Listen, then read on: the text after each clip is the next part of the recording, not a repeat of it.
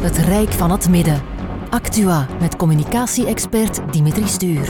China en de oorlog in Oekraïne. Nog voor Biden naar Europa kwam, had hij een gesprek met Xi Jinping. En de boodschap van de Amerikanen was duidelijk. Er zullen gevolgen zijn als China militaire steun zou bieden aan Rusland. Dag Pascal. Dag Dimitri. Militaire steun zal niet gebeuren volgens China. Maar is dat geloofwaardig? Want ja, China en Rusland ondertekenden nog niet zo lang geleden een samenwerkingscontract. Ja, dat is uh, zeer vervelend dat ze dat op 4 februari dit jaar hebben getekend. Net. Uh, twee weken voor de, de oorlog startte in Oekraïne. Ik ben er zelf niet van overtuigd, maar dat is mijn persoonlijke mening dat mocht Rusland eerder zijn ingevallen, dat dat contract getekend zou geraakt zijn. Maar ik ben er wel van overtuigd dat China al jaren aan dat contract gewerkt heeft en dit ook een normale uh, relatie tussen China en Rusland wou bouwen. Als je het kijkt in zijn context, is de relatie tussen China en Rusland nog nooit zo goed geweest. En dan heb ik het over begin februari, voor de oorlog. Nog nooit zo goed geweest als de relatie tussen China en Amerika. Nog nooit zo slecht geweest in de laatste 50 jaar. En ze wouden dat verzegelen door dat in een contract te zetten om te zeggen: wij zijn vrienden. En dat heeft vooral economische impact, omdat ze elkaar waard zijn in de zin dat ze heel complementair zijn op economisch vlak.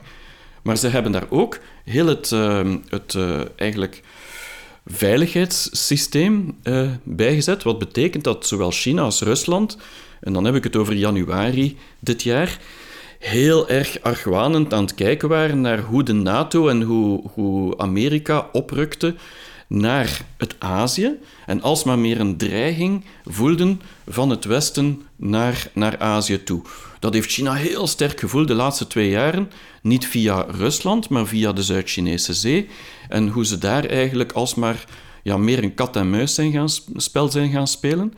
En China kon zich perfect vinden in die retoriek van Poetin eind januari, begin februari, dat uiteindelijk uh, we moeten een halt roepen aan die ja, agressie vaak en opjutten van het Westen uh, naar, naar het Oosten toe. Natuurlijk, een, een oorlog die daaruit gekomen is, was niet, dat, niet direct, uh, de, zat niet direct in de sterren geschreven bij China. Ja, maar het blijft toch contradictorisch klinken, Pascal. Want China stelt zich neutraal op. Maar hoe, hoe kun je nog neutraal blijven als Rusland een grenzeloze vriend is van China? Ja, de uitdaging daarbij is dat op dit moment, en dus eigenlijk de, de, de, minister van Buitenlandse Zaken heeft het ook nog gezegd onlangs, is dat, uh, dat ze eigenlijk ook Amerika schuld, uh, schuld zetten bij Amerika in die oorlog. En dus vinden ze het heel moeilijk om op dit moment te zeggen we zijn vriend van de ene of vriend van de andere. Eigenlijk kan je stellen dat ze vriend willen blijven van iedereen, maar iets meer vertrouwen hebben, of hadden zeker, maar misschien nu nog, in Rusland dan ze vertrouwen hebben in Amerika, zeker op lange termijn. En dat klinkt heel bevreemdend, gezien wat Rusland doet met Oekraïne. Maar ze hebben eigenlijk ook heel weinig vertrouwen in het Westen op dit moment. Maar het Westen heeft ook geen blind vertrouwen in China, denk ik. En in China bevindt zich nu eigenlijk toch wel in een spagaatopstelling dan. Ja, maar ik denk dat we... Uh, en, en, het is zeker moeilijk om het te begrijpen. Maar ik denk dat um, wat China de laatste twee, drie jaar meegemaakt heeft met Amerika. Als het over de COVID-aanvallen ging en, en voortdurend eigenlijk de, dat Amerika en Trump zei van ja, het virus is door China ontstaan, het China-virus, uh, het is in een lab ontstaan. Dus dit waren eigenlijk, dit was de aanleiding om, voor China om, om te voelen van ja, jullie zijn voortdurend ons de schuld aan het geven, terwijl dat ze zelf eigenlijk die schuld op zich nooit genomen hebben, omdat ze zich niet schuldig voelen aan die hele situatie. En dat voelen zij ook als oneerlijk aan. En dus de vraag is natuurlijk vandaag waarom zij dat doen. Waarom dat zij eigenlijk die neutraliteit willen behouden. En dat heeft meer te maken met de toekomst van alle landen die buiten de westerse invloedssfeer zitten dan eigenlijk het Westen zelf. Als iemand, en dan ga ik eventjes mijn Chinese pet opzetten, dus het is geen persoonlijk verhaal, eventjes mijn Chinese pet opzetten. Als iemand zoals Amerika u jaren aan een stuk eigenlijk uh, beticht van alles, dan ga je uiteraard uh, steun gaan zoeken bij anderen. En dat is wat China doet. En dat is niet alleen Rusland. Dat zijn heel veel landen in de wereld die het gevoel hebben dat die ook door Amerika vaak uh, ja, toch niet uh, echt goed behandeld zijn geweest. En daar willen ze nu vooral voorzichtig zijn als ze in die oorlog het verhaal van Rusland zouden ondersteunen en sancties, het verhaal van Amerika ondersteunen en sancties op Rusland zetten, dan zijn ze eigenlijk het verhaal van Amerika, die hen zo lang heeft negatief behandeld, nu in ene keer zouden ze daar wel naar luisteren, terwijl dat ze ervoor altijd gezegd hebben, dit waren leugens. Dus het is ook heel moeilijk. Maar de echte reden, volgens mij, wat erachter zit, is het feit dat als China ehm, Rusland sancties zou opleggen en heel hard zou optreden naar Rusland toe, dan gaan ze daar een universele humanitaire crisis mee creëren die veel breder is dan Oekraïne. En vooral breder bij hun vrienden. En ik denk dat daar de grootste schrik is, want daar kijken wij in het Westen heel weinig naar vandaag. Naar Indië bijvoorbeeld. Indië die door, een, als ze een tekort hebben aan, aan gas en energie en granen, morgen in een economische crisis zitten. En zitten heel veel landen in de wereld in die situatie die aan China zeggen van ja, als jullie sancties opleggen naar Rusland, is het voor ons game over.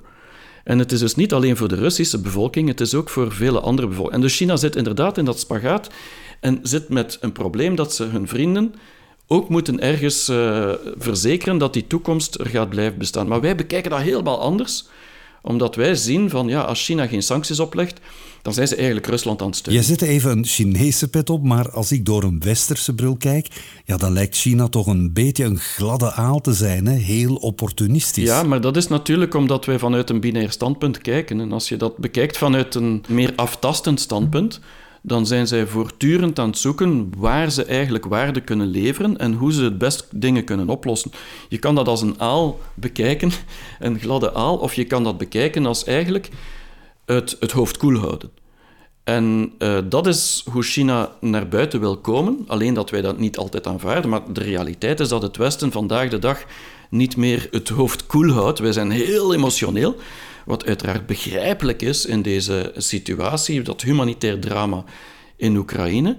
Maar China is ervan overtuigd dat de sancties geen aanleiding geven om Poetin te verminderen in de aanslagen, wat we ook zien. Alsmaar meer sancties, maar hij, hij, stopt daardoor niet. China denkt dat we het alleen maar diplomatiek kunnen oplossen. En diplomatie, diplomatie betekent dat je rationeel moet denken en niet te vlug moet uh, ja, dingen gaan doen dat je later spijt van krijgt. China houdt het hoofd koel, cool, denkt anders in termen van diplomatieke oplossingen, zeg je. Toch zien we niet veel bemiddeling vanuit China om Poetin tot reden te brengen. Dit zou China toch heel wat krediet in het Westen kunnen opleveren. Ja, China zit wel betrokken in die, in die gesprekken hoor. Dus eh, de, heel veel, China heeft, heeft opgeroepen om heel veel van die gesprekken eigenlijk in gang te steken. En, en spreekt regelmatig. Ze hebben al met Poetin gesproken en zo verder. En ze proberen toch wel te helpen, te bemiddelen. Maar het is heel moeilijk om neutraal te blijven als, als beide partijen absoluut niet meer neutraal willen zijn. Dus bij, alle partijen zijn, zijn zodanig... Um, ja, het is een danige situatie gekomen, geëscaleerd, dat China de enige partij is waar nog naar geluisterd kan worden door zowel Poetin als Oekraïne. En ik denk dat ze die rol moeten opnemen, ze proberen die op te nemen. Maar ze blijven natuurlijk ook wel altijd zeggen dat Amerika ook de eerste stap moet nemen. En, en daar zit ook wel de uitdaging. Bemiddelen is één ding. Anderzijds staat eh, China niet achter de economische sancties tegen Rusland. Ja, moeten we dan nog hulp verwachten van China om dit conflict mee op te lossen? De vraag is hoe wij hulp willen van, van China. Als, als wij hulp willen van China om Rusland nog harder aan te pakken, dan gaat China dat niet doen. Als we en dus wat het probleem is bij een negotiatie, is dat ook een aantal van de voorwaarden die Poetin stelt, gaan moeten ingewilligd worden. En dat is iets dat, uh, dat daar zit het nog vast. Maar China zit voortdurend te zeggen dat we moeten tot diplomatieke afspraken komen en akkoorden komen en wil op teven welk moment die, die rol, rol innemen. Alleen dat dat op dit moment nog niet gebeurt, omdat beide partijen daar nog niet klaar voor zijn, of er gebeurt nog te weinig. Maar China kan daar een grote rol in spelen en zal daar ook een rol in spelen als, ze, als ze gevraagd worden om dat te doen of als ze de mogelijkheid zien. Ik denk niet dat China hun plan is om het Westen, om krediet bij het Westen te krijgen op dit moment. Dat is duidelijk. Ze willen eigenlijk vooral krediet krijgen voor de hele wereld. En dat is niet alleen het Westen. En dat is iets wat voor ons moeilijk te begrijpen is. Het blijft inderdaad heel moeilijk om te begrijpen. Te meer omdat China zich vredevol wil opstellen in de wereld. Er is een oorlog aan de gang, Pascal, dus dan verwacht je toch meer daadkracht, zeker omdat China zo dicht staat bij Rusland. Ja, de vraag is alleen als China gelooft niet dat de manier waarop wij daadkrachtig zijn, dat dat werkt en dat het eigenlijk averechts werkt. En dus zij geloven dat we een stap terug moeten nemen om terug tot oplossingen te komen. En als die stap terug er niet komt, dan kunnen zij ook die rol niet gaan, gaan spelen. Dat is de, de, de, de visie van China. En dat is natuurlijk, ja, ze zouden hard kunnen zijn. Nu, het is niet dat China niks doet. Het is alleen dat het uh, niet krachtig genoeg is volgens de westerse visie. Uh, China is bijvoorbeeld, heeft zijn, uh, als je kijkt naar de, de, de wisselkoersen tussen de renminbi en de roebel, hebben ze die meer losgelaten, met als gevolg dat de roebel in elkaar gestuikt is en dat de Chinese renminbi naar omhoog gegaan is. En daardoor dat de Chinese producten veel duurder zijn voor de Russen. Dus ze zijn niet echt aan het steunen. Je ziet allerlei tekenen, kleine tekenen. Als er vraag is voor, voor onderdelen van vliegtuigen, dan heeft China gezegd: sorry, wij gaan jullie niet helpen. Uh, als je kijkt naar de reserves die, China in, die Rusland heeft in China op vlak van, van, uh, van, van currency reserve. Ze hebben heel veel geld in Chinese munt zitten, ook in dollars. Dat is allemaal bevroren in het Westen. China heeft die niet bevroren, maar je kan ze niet inwisselen in dollars of euro. Dus ze doen wel dingen, maar het komt niet in het nieuws dat China daar hele grote acties doet. En dat heeft vooral te maken met het feit dat ze voelen dat die acties hun andere vrienden in Azië, Indië, Afghanistan, Pakistan en zo verder, gaan schaden. En dat willen ze niet doen. Ik hoorde India in je uitleg. Eh, ik dacht dat India en China niet echt vrienden zijn. Ja, maar wat je voelt, dat is enorm juist, maar wat je voelt is dat door die oorlog, dat India nu dichter bij China aan het komen is.